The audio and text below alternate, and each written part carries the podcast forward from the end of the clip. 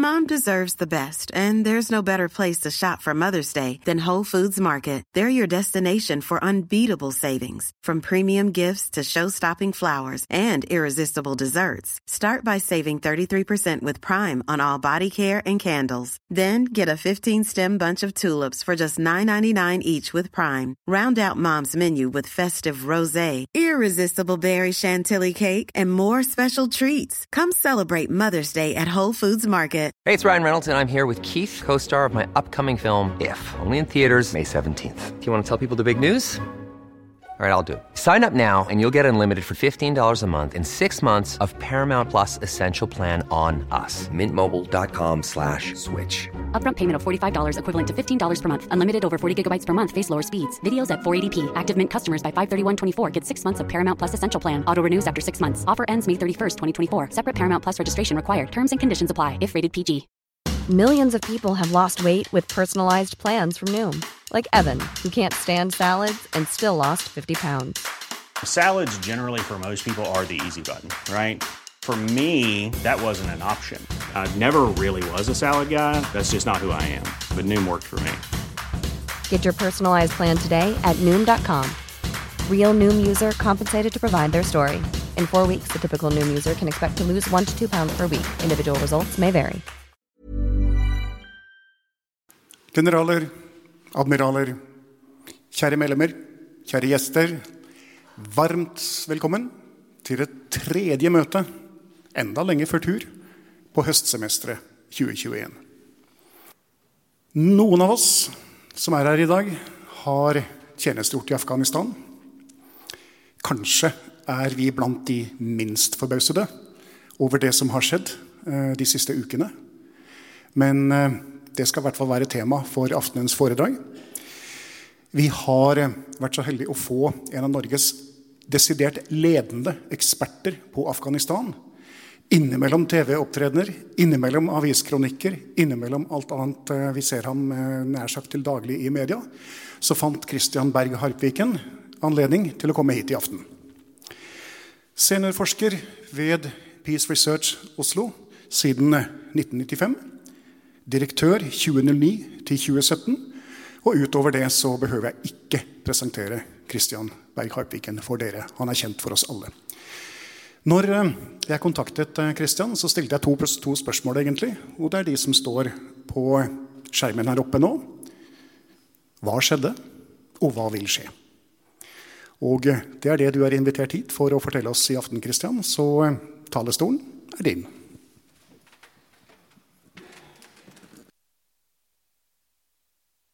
Tusen takk for uh, hyggelig introduksjon, og takk for uh, invitasjonen hit. Jeg er sjøl veldig forsiktig med å kalle meg Afghanistan-ekspert. Jeg har vel stor ydmykhet om noen kan være ekspert på et, uh, på et helt land. Og jeg er også veldig godt klar over at etter det som har skjedd de siste 20 åra, så fins det veldig mange andre i Norge som kan veldig mye om Afghanistan men som kanskje ikke er så heldig som meg, som får lov til å bruke det ganske ofte også i dag.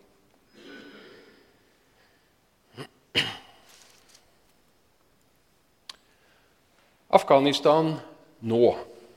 Det er altså to dager siden 20-årsmarkeringen for terrorangrepet i USA, som kosta nesten 3000 mennesker livet.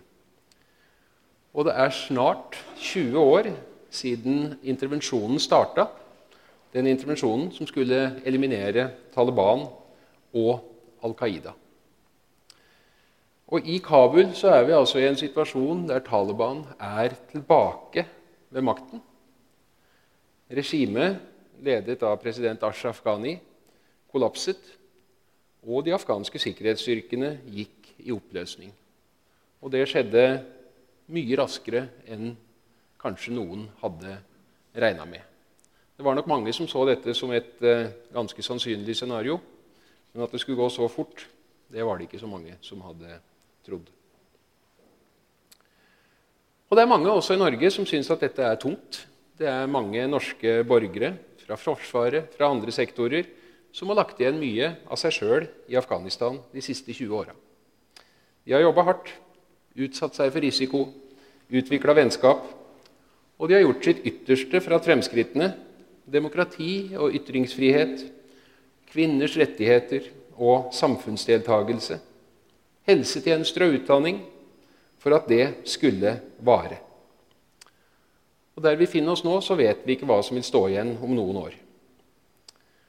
Det vi vet, er jo at noen afghanere, mange afghanere, har i disse 20 åra fått muligheter de ellers ikke ville fått.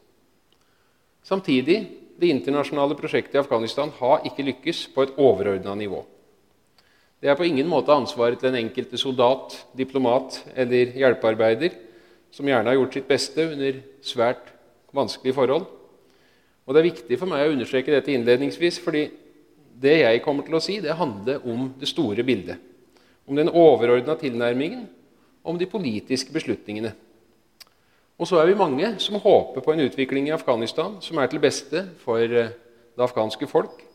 Og vi er mange som ser fram til den dagen hvor vi kan nyte gjestfriheten i dette fantastiske landet uten å ha på oss eh, skuddsikker vest og frykte veibomber.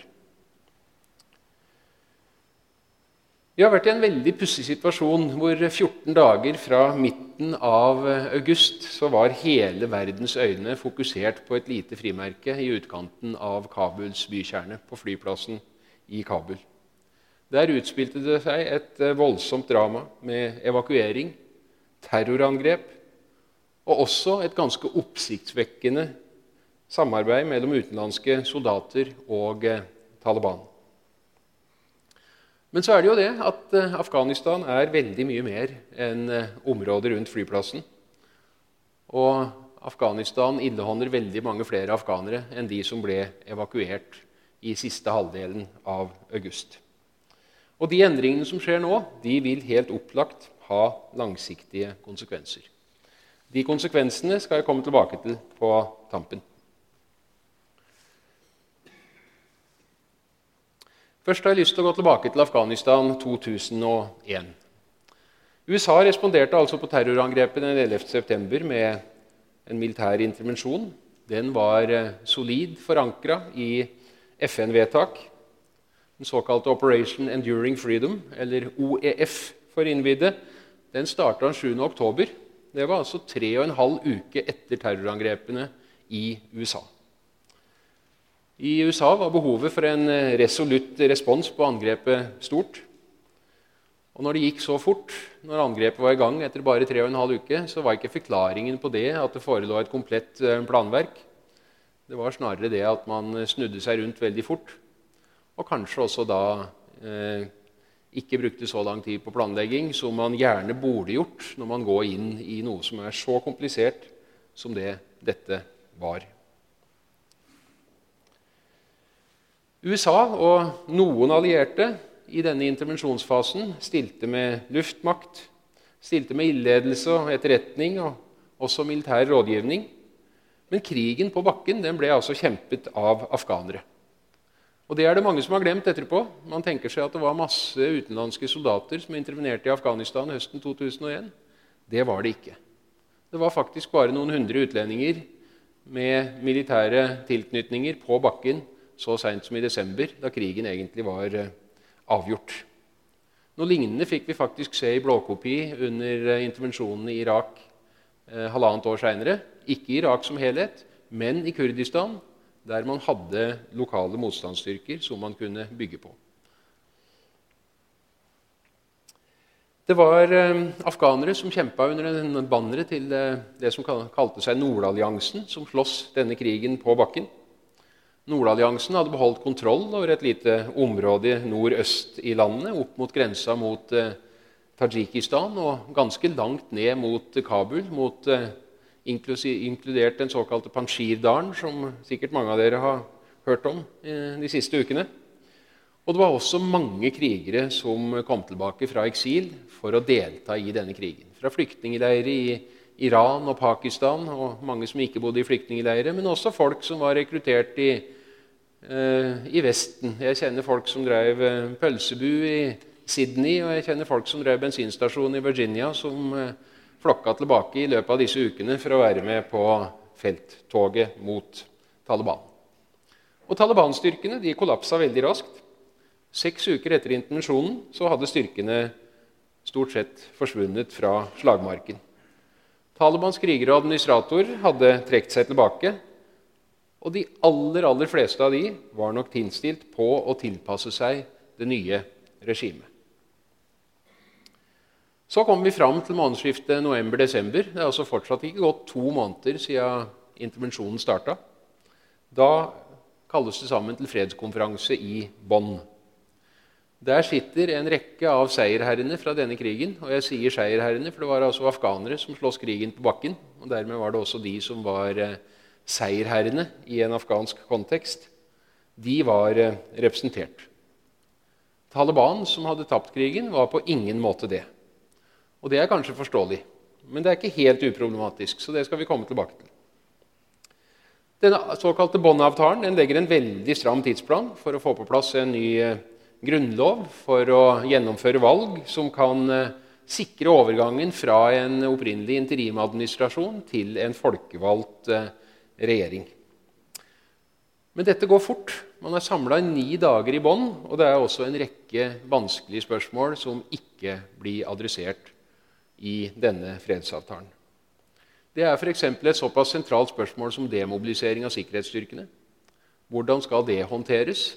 etter at man har raska sammen alt som fins av folk som er villige til å bære våpen, både innomlands og utomlands, så er det en ganske stor utfordring. Men det sier man ingenting om. Det er f.eks. hvordan man skal håndtere krigsforbrytelser, historiske krigsforbrytelser. For Det er ikke noe tvil om at det var ikke bare Taliban som hadde begått krigsforbrytelser. Det var også mange av disse som sloss denne krigen på bakken for eh, den USA-ledede intervensjonen, som hadde en ganske ganske rødflekkete CV. Det var et så sentralt spørsmål i en afghansk sammenheng som forholdet mellom religion og politikk. Hva skal eh, islams rolle, hva skal være rollen til islamsk eh, rettsstatus i det afghanske politiske systemet? Og det var et så sentralt spørsmål som sjølve spørsmålet om maktdeling. Hvem skal sitte med makta? Hva skal være parlamentets rolle på et sentralt nivå? Men også hva skal være maktfordelingen mellom det sentrale nivået og nivåene under. Når dere skjønner, så var dette en ganske tynn fredsavtale. Og i og med at såpass mange av de sentrale spørsmåla ikke var i det hele tatt adressert Jeg sier ikke bare at de ikke var løst, jeg sier at de knappest var satt på agendaen så lå det veldig mye der og murra som skulle vise seg å bli ganske vanskelig etter hvert. Men så er det også verdt å minne oss på at det var en utrolig populær intervensjon. Store deler av Afghanistans befolkning var veldig glad over at Taliban-regimet hadde falt. Selv mange av de som hadde støtta regimet og jobba for regimet, var veldig glad for at Taliban-regimet hadde falt. Etter eh, et tiår der verden hadde vist veldig liten interesse for Afghanistan, så var det nå stor optimisme. Og Med den utenlandske støtten så var det mange som trodde på fri fred og sikkerhet, økonomisk velstand og på en inkluderende stat som ville tilby velferdsgoder til befolkningen. Så optimismen var eh, enorm. Men jeg klarer ikke helt å snakke om Afghanistan uten å også minne oss på at det fantes et Afghanistan før 2001. Og Det er litt fordi at i veldig mange av de diskusjonene vi har om Afghanistan nå, så begynner Afghanistans historie i 2001. Og det er lagt en del føringer forut for det som eh, er ganske nødvendig for å forstå det som har skjedd eh, etter 2001. For det første så var 1900-tallet faktisk relativt fredelig i Afghanistan. I 1978 eh, da gjorde Afghanistans sovjetorienterte kommunister et statskupp. Tok makten april 1978. Men før det så hadde man hatt 45 år uten krig. Det skjedde et maktskifte gjennom et statskupp i 1973. Det var et blodløst statskupp. Da var det kongen Sahir Shah som ble avsatt av sin fetter. Men Sahir Shah var i Italia og pleide lumbagoen sin i gjørmebad i fjellene nord for Roma, så han fikk bare en telefon, og det var ikke nødvendig å løsne skudd. Men det er ganske greit synes jeg, innledningsvis å parkere myten om at Afghanistan alltid har vært et land i krig. For det er en myte som har vist seg ganske robust. Det var ikke et land med værstand, det var stor fattigdom og det var enorme forskjeller. Men det var faktisk ganske fredelige i nesten en 50-årsperiode fram til krigene tok tak i 1978. Og dette Kommunistkuppet i 1978 det ble innledningen til flere tiår med krig. Egentlig helt fram til der vi står i dag. Det var altså den såkalte Halk-fraksjonen, eh, folkefraksjonen, et eh, Dari-uttrykk, et Dari-ord, av det sovjetorienterte kommunistpartiet som tok makta. Og kommunistpartiet, Det sovjetorienterte, vel å merke. Det fantes også et Kina-orientert kommunistparti som var eh, antagelig sterkere enn det sovjetorienterte, men det var ikke de som gjorde kupp. Og Dette sovjetorienterte partiet var altså delt i to fraksjoner med ganske forskjellig orientering. Og Khalkine de hadde ikke bare en voldsom iver på å reformere landet raskt. De hadde også stor tro på vold som pedagogisk virkemiddel. Det betyr i klartekst at når gamle gubber på landsbygda i Afghanistan som sier eh, jeg har levd et langt liv uten å kunne lese og skrive. Det lille jeg har igjen, det skal jeg faktisk eh, klare uten å alfabetiseres. Ja, da var det Kalasjnikoven fram, og det var snakk om å bare sette seg på skolebenken og gå gjennom alfabetiseringskurs. At gunpipe på dårlig norsk. Det trigga en del spontan motstand. Mange av disse gamle gubbene de gikk da under senga og fant fram den gamle Lienfielden. Det var jo ikke noe organisasjon i denne motstanden i begynnelsen, men eh, det var eh, lokale opprør. Og I Moskva så satt altså det kommunist, kommunistpartiets ledere og fulgte med på det som skjedde i Afghanistan, og de gremma seg. Deres analyse var jo at Afghanistan på ingen måte var modent for en kommunistisk revolusjon. Det lå langt fram i framtida før man hadde en klassestruktur i Afghanistan som tillalte en bærekraftig kommunistisk revolusjon.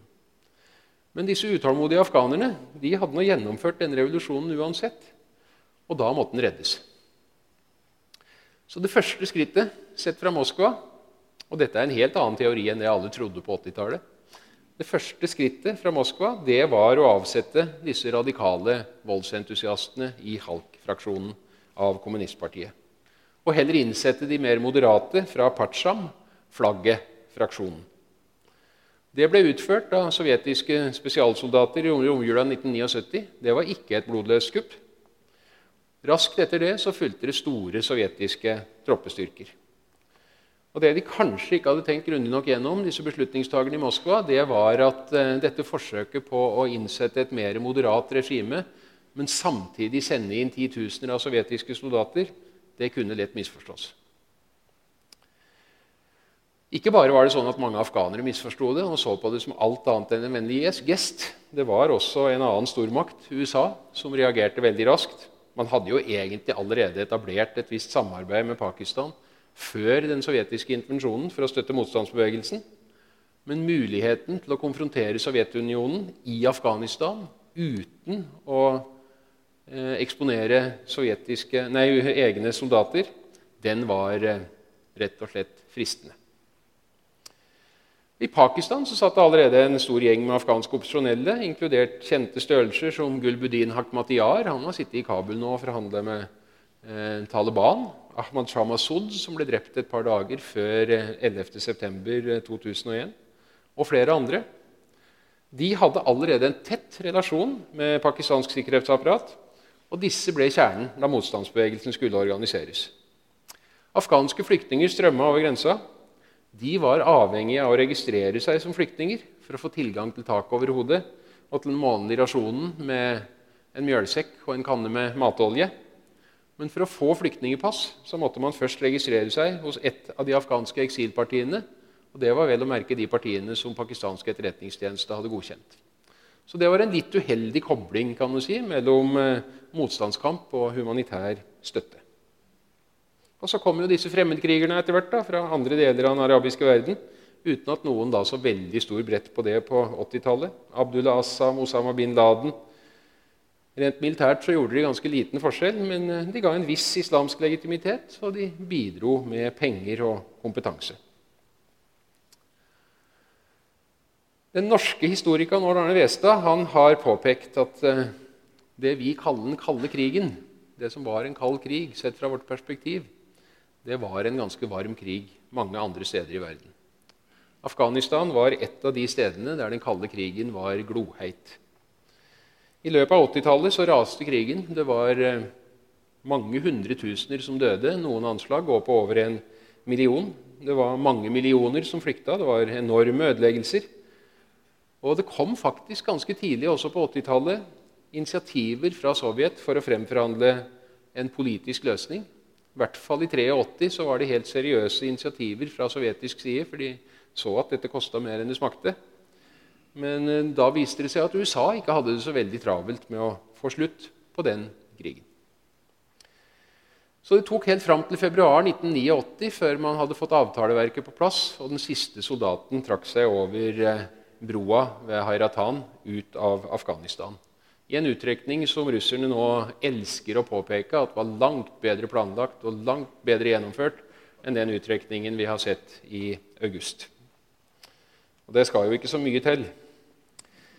Både Sovjet og USA fortsatte å forsyne sine klienter med våpen. Det såkalte kommunistregimet holdt faktisk ut i over tre år, helt fram til april 1992. Da hadde Sovjetunionen gått i oppløsning, og med sviktende forsyninger nordfra så svikta også tilliten til at regimet kunne holde.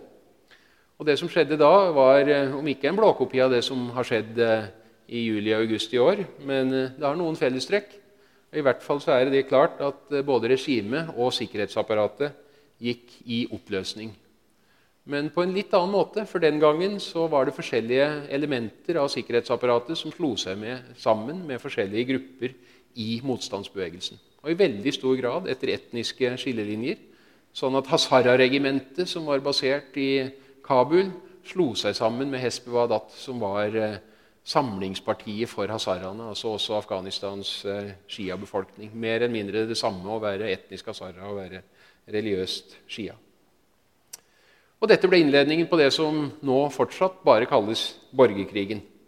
Allerede halvannen måned etter maktovertagelsen så begynte partiene i nye overgangsregjeringa å skyte på hverandre i Kabul. Jeg sto sjøl på verandaen på Hotell Intercontinental og så de første artillerigranatene landa i boligblokker rett nede i bakken. Det var ikke pent.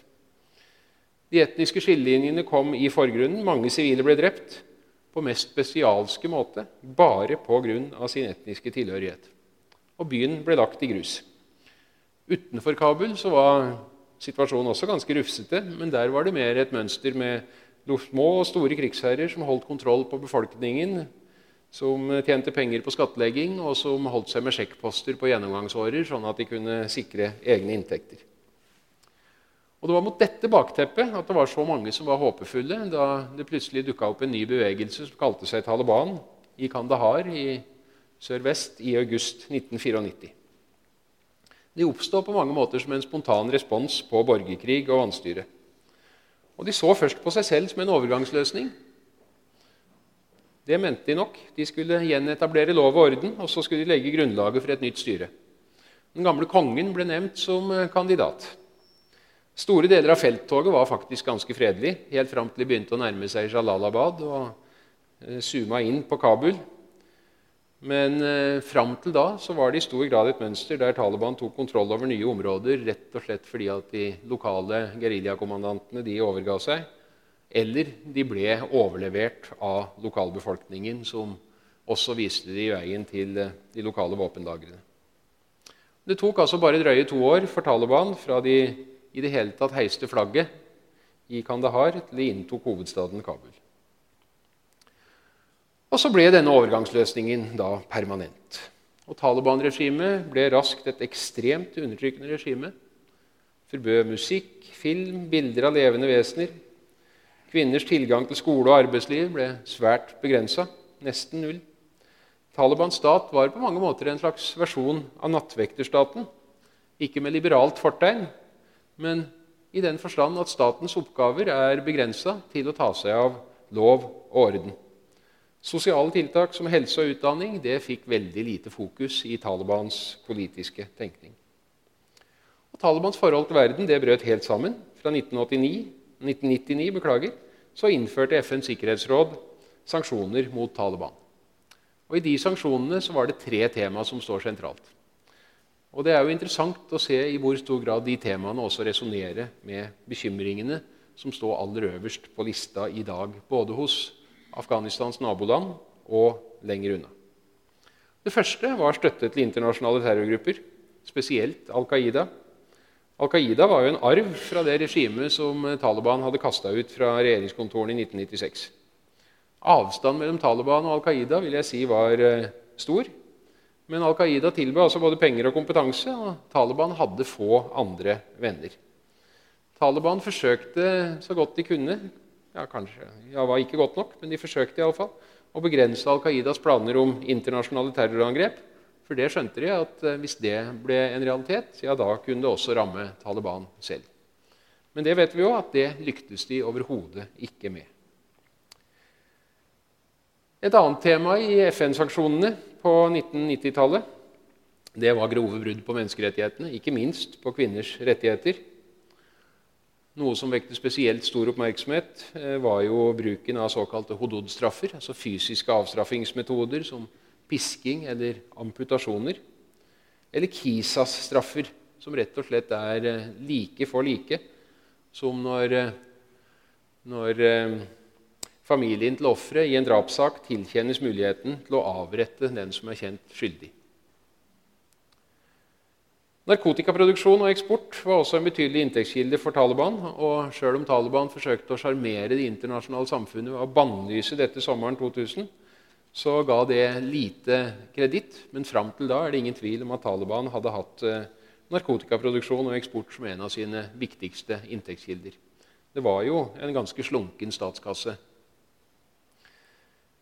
Gjennom hele 90-tallet var faktisk Afghanistan, på tross av den dramatikken jeg har eh, lagt fram nå, ganske langt unna medias eh, overskrifter. Det var på ingen måte i sentrum for eh, internasjonalt diplomati. Dette endra seg nok litt med terrorangrepet 11.9.2001, da søkelyset raskt ble retta mot Al Qaida, og ikke minst mot Al Qaidas vertskap i Afghanistan, Taliban.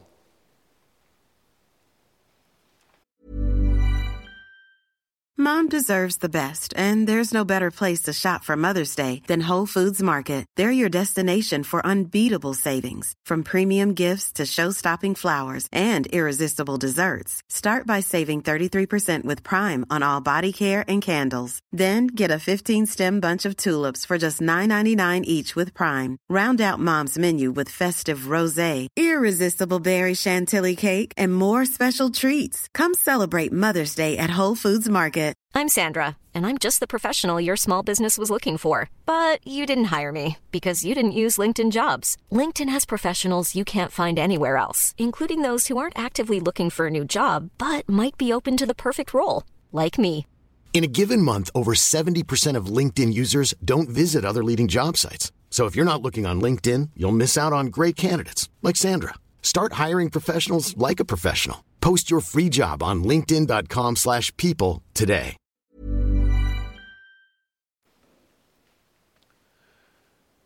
Afghanistan var et nederlag, slo lederen for utenriks- og forsvarskomiteen, Anniken Huitfeldt, fast i en debatt på Litteraturhuset sist onsdag. Det er sterke ord. Afghanistan-utvalget, som ble ledet av Bjørn Tore Godal, og der jeg også var medlem, vi nøyde oss med å si at uh, situasjonen i Afghanistan er nedslående etter mange års internasjonal innsats. Vi ser nå lignende erkjennelser mange andre steder. Det er klart at et omfattende internasjonalt engasjement i Afghanistan over nesten 20 år fikk en bråstopp 15.8 da Taliban gikk inn i Kabul. Og Det åpner jo på mange måter opp, og det krever en annen type debatt. En ærligere debatt. Og En ærlig debatt den forutsetter nok også en viss avstand. Og Mange av oss har kanskje ikke helt den avstanden enda. Men eh, vi trenger en debatt som tar for seg hvorfor man i så stor grad mislyktes med de overordnede målsettingene. Men så må den debatten også se på de delene som fungerte. For det er noe å lære av begge deler.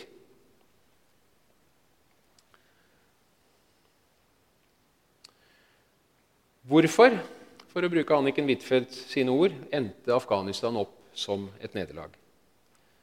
Det mangler på ingen måte på forklaringer i Afghanistan-debatten. Det er mange som har forsøkt seg.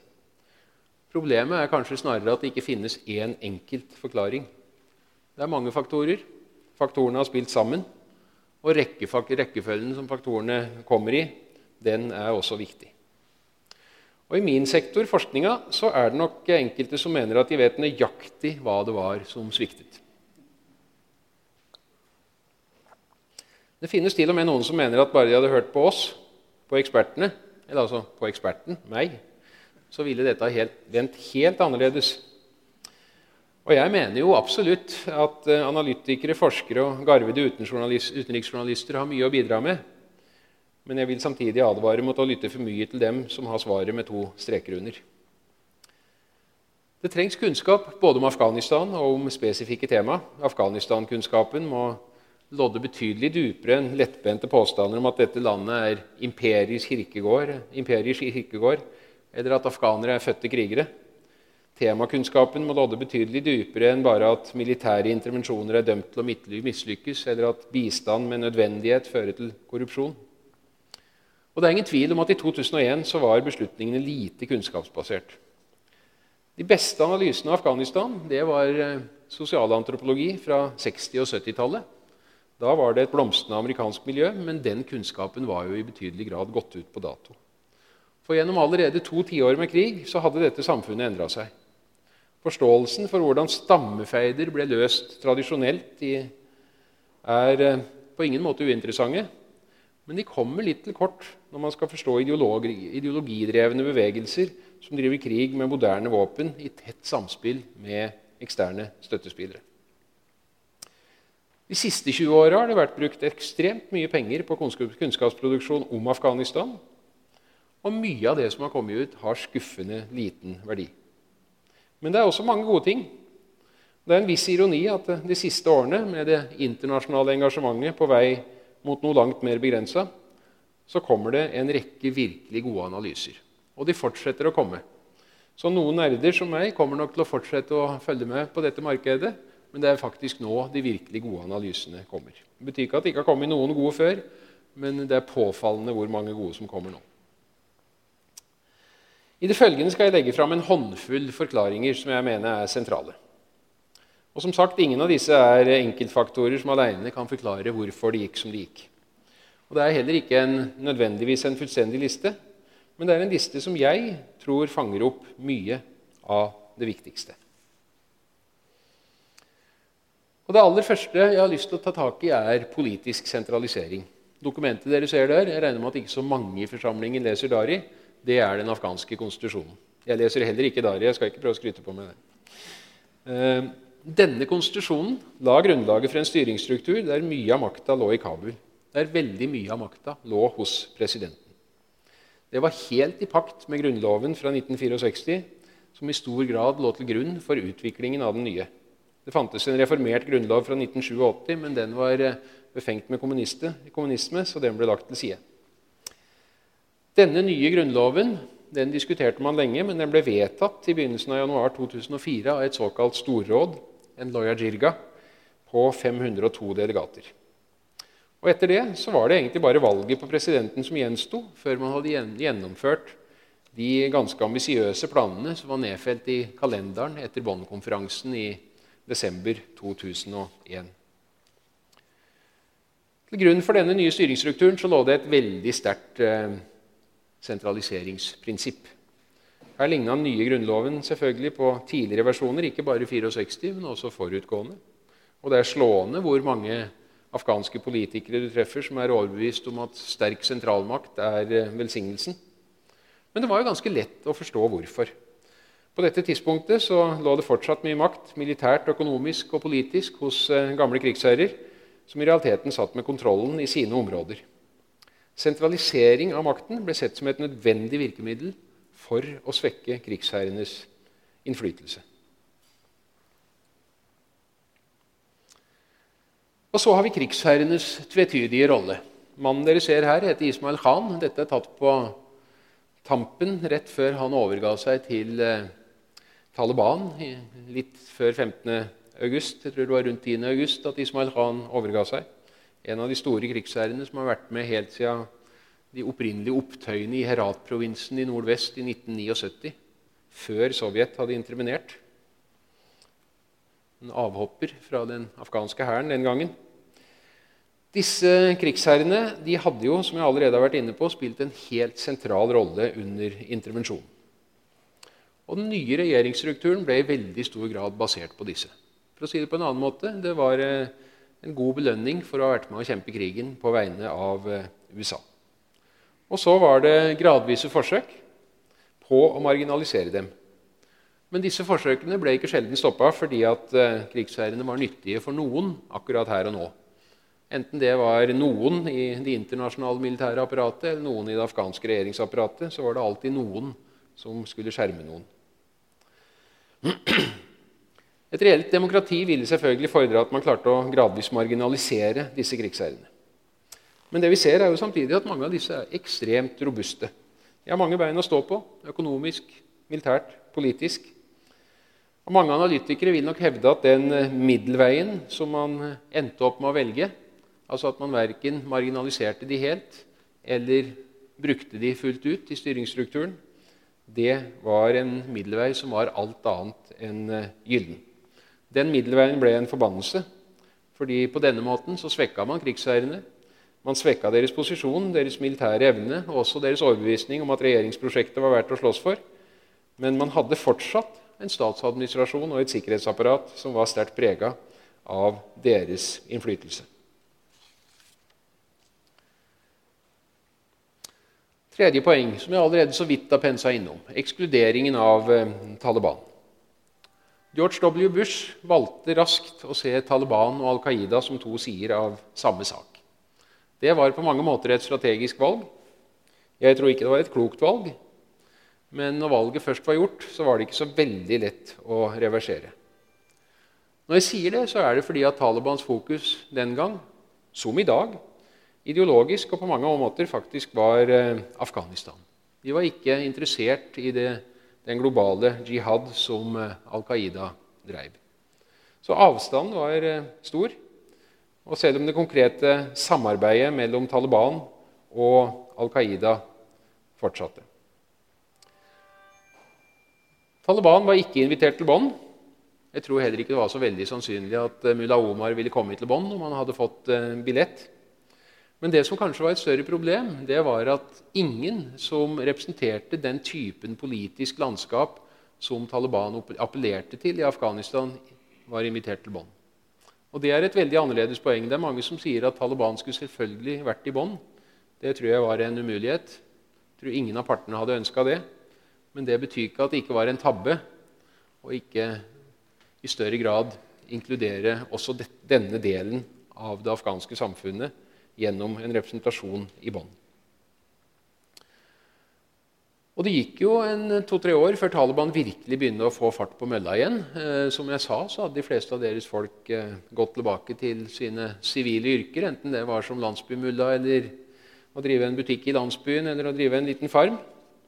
Og Det kom mange invitter fra Taliban både til den afghanske regjeringa og til eh, eh den internasjonale militære ledelsen om å innlede forhandlinger, men det var ganske kontant avvisning hele tida. Norge var jo av de aller første som innleda samtaler med Taliban. På ingen måte forhandlinger, man var veldig langt unna forhandlinger, men i hvert fall kontaktskapende samtaler i 2007. Men da utgjorde jo Taliban allerede en betydelig militær trussel.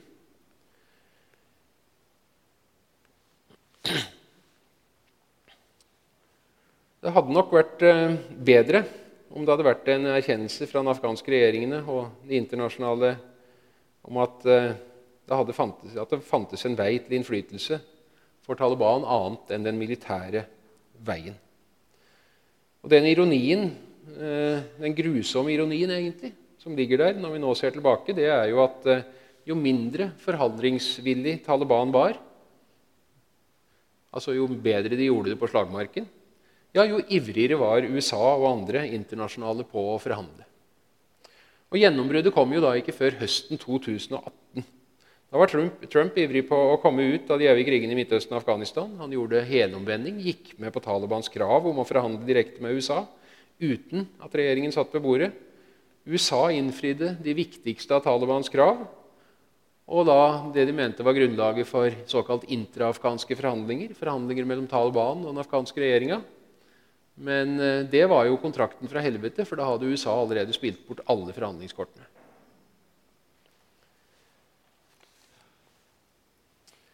En fjerde faktor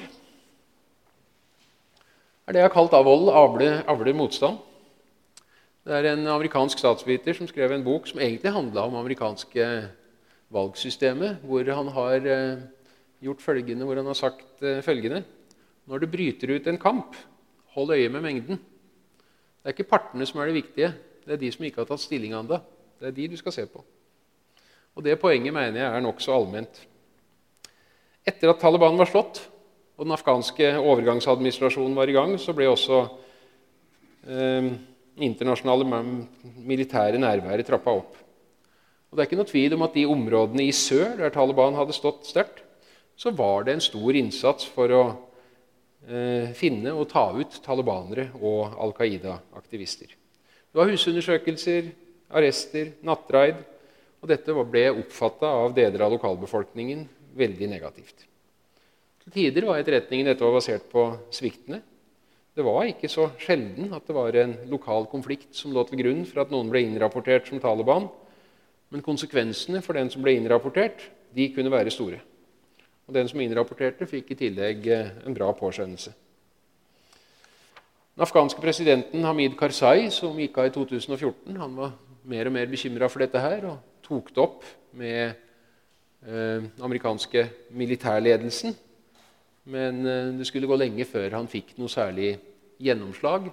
Og konsekvensene av at mange tilfeller av omfattende, eh, omfattende antall sivile drepte ikke ble tatt på alvor, de var definitivt at oppslutningen om den internasjonale militære operasjonen sank, og oppslutningen om Taliban økte.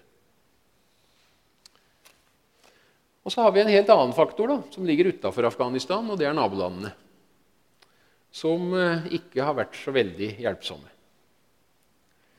Og Den vanlige versjonen av dette er at det er Pakistan som har skylda for alt. Noen mener til og med at krigen burde ha vært eh, retta mot Pakistan. Men eh, problemet er at det er ikke bare Pakistan som er involvert. Og Problemet er også at selv Pakistan, som er de som har spilt den absolutt eh, mest destruktive rollen gjennom alle disse fire tiåra med krig, er egentlig først og fremst involvert fordi de er så opptatt av Afghanistan. Pakistan er mer opptatt av India enn av Afghanistan. Denne illustrasjonen er fra forsida på en bok som jeg har skrevet sammen med en uh, iransk-amerikansk kollega som heter Sharbanot Tajbaksh. Og det jo det hvite i midten er Afghanistan. Og dette er egentlig ment å illustrere det som er mitt hovedpoeng. Nemlig at uh, når nabolandene involverer seg i Afghanistan, så gjør de det ut fra det som er sikkerhetsdynamikken i sine respektive regioner. For det er det som er de eksistensielle sikkerhetsutfordringene for de landene vi snakker om. Og for Pakistan så er det India. De har vært i tottene på hverandre siden oppsplittinga i 1947. De har vært i krig flere ganger. Og når eh, pakistanerne satt og så over elva til Kunardalen, rett på andre sida av grensa, høsten 2001, at de første indiske vanningeniørene begynte å planlegge å demme opp det som var eh, en viktig del av vannforsyninga til eh, Punjab-sletta, Pakistans kornkammer, ja, da ble de betenkt. Og når de like etterpå fant ut at afghanske eh, de, afghanske, de, de, indiske etterretningsnettverkene var under gjenetablering, så ble de enda mer betenkt. For da følte de seg faktisk fanga i en knipetangsmanøver. Det var det siste de ønska. Og Det vi kanskje ofte glemmer, det er at eh, også mange av beslutningene tatt av stormakter, inklusive våre allierte i denne perioden, de handler ikke bare om Afghanistan. Et eksempel på det som jeg selv synes er interessant, det er i 2005, da Bush-administrasjonen signerte en avtale med India om sivil bruk av atomenergi. Både India og Pakistan er jo atommakter. Dette er en ganske labil situasjon.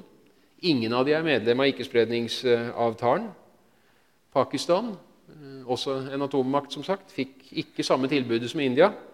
Og det er klart at De som la strategien for dette, de var veldig godt klar over at eh, konsekvensen av å signere en atomavtale med India den ville være at det ble vanskeligere å få slutt på krigen i Afghanistan. Men det var viktigere fordi at India er en voksende stormakt, og fordi at India er en sentralt ledd i oppdemmingen for kinesisk innflytelse i denne delen av verden.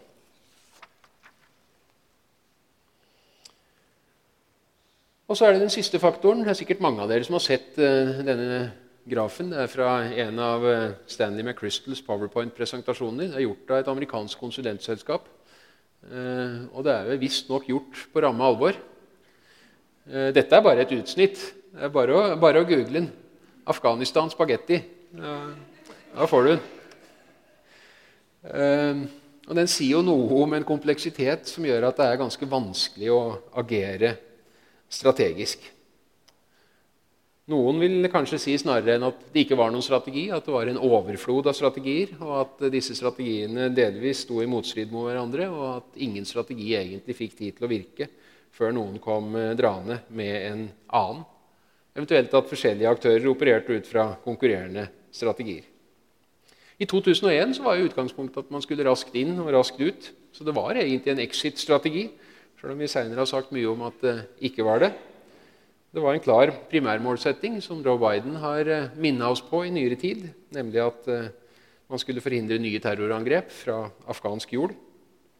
Men det var mange andre målsettinger som lå i vannskorpa. Demokratisering, sikre kvinners rettigheter, bygge velferd. Ting som etter hvert ble omtalt som eh, nasjonsbygging. Og Det var ikke noe tvil om at det var store utfordringer knytta til samordning. De militære har lett for å skylde på de sivile. Hvis de sivile bare hadde skjønt hvor de skulle være på hvilket tidspunkt, og gjort jobben sin, så hadde dette gått bra. Og det er vel ikke noe tvil om at snakker med en god del av de som har jobba på sivil side, så er, eh, så er, det et speilbilde av eh, det samme. Men det er liten tvil om at eh, koordineringen sviktet. Likevel så må vi jo kanskje også anerkjenne at mange av de som ikke lot seg koordinere, kunne ha ganske gode grunner for det. Det er ikke åpenbart at norske militære ønska å gjøre akkurat det som våre amerikanske allierte eh, instruerte oss om å gjøre. Det at det var noen frihetsgrader der man f.eks. kunne dobbeltsjekke etterretningsinformasjonen før man satte i gang operasjoner, det var eh, ofte velkomment. Nå ser jeg at jeg har brukt mer tid enn jeg tenkte på denne innledningen. Jeg tenkte å si litt om eh, Afghanistan nå, men det kan vi kanskje komme tilbake til i debatten, snarere enn at jeg skal stå her og Eh, prate til tida vår er eh, gått ut. Jeg kan kort si at eh, etter tre uker, fire uker nesten, med Taliban ved makta, så begynner det å tegne seg et ganske dystert bilde. Vi har fått en regjeringsutnevnelse som kanskje er den aller verst tenkelige. Det ser jeg på som det aller tydeligste signalet på hva det er vi kan vente oss av Taliban. Hvorfor den ble sånn, det er en annen diskusjon. Men det er eh, virkelig et dårlig tegn. Det internasjonale diplomatiet har trukket seg ut. Og det gjør at det er ganske vanskelig å starte igjen, fordi det blir faktisk en, eh, det blir et brudd, og det blir et aktivt valg å flytte inn igjen. Og landet trenger penger, i hvert fall trenger befolkningen penger. Om denne staten fortjener penger, det er en annen diskusjon. Det tror jeg ikke det er noen av oss som egentlig mener. Men eh, det er heller ikke noe tvil om at de som blir skadelidende i denne situasjonen, det er den afghanske sivilbefolkningen.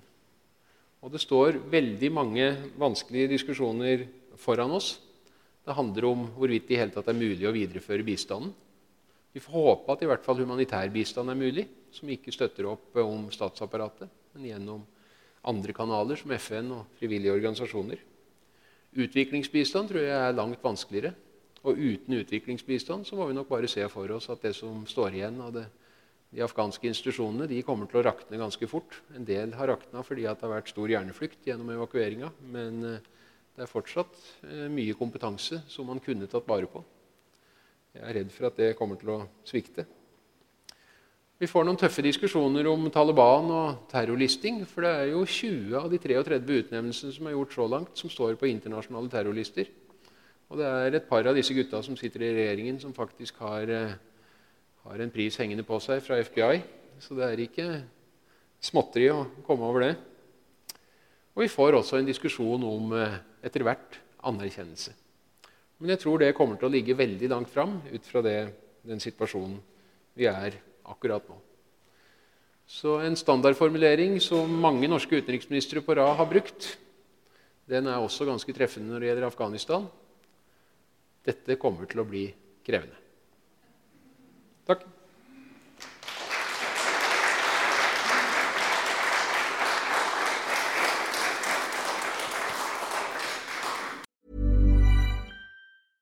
Mom deserves the best, and there's no better place to shop for Mother's Day than Whole Foods Market. They're your destination for unbeatable savings, from premium gifts to show-stopping flowers and irresistible desserts. Start by saving 33% with Prime on all body care and candles. Then get a 15-stem bunch of tulips for just $9.99 each with Prime. Round out Mom's menu with festive rosé, irresistible berry chantilly cake, and more special treats. Come celebrate Mother's Day at Whole Foods Market. Hi, I'm Daniel, founder of Pretty Litter. Cats and cat owners deserve better than any old fashioned litter. That's why I teamed up with scientists and veterinarians to create Pretty Litter.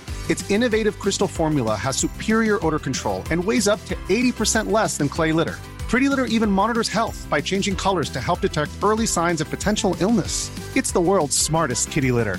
Go to prettylitter.com and use code ACAST for 20% off your first order and a free cat toy. Terms and conditions apply. See site for details.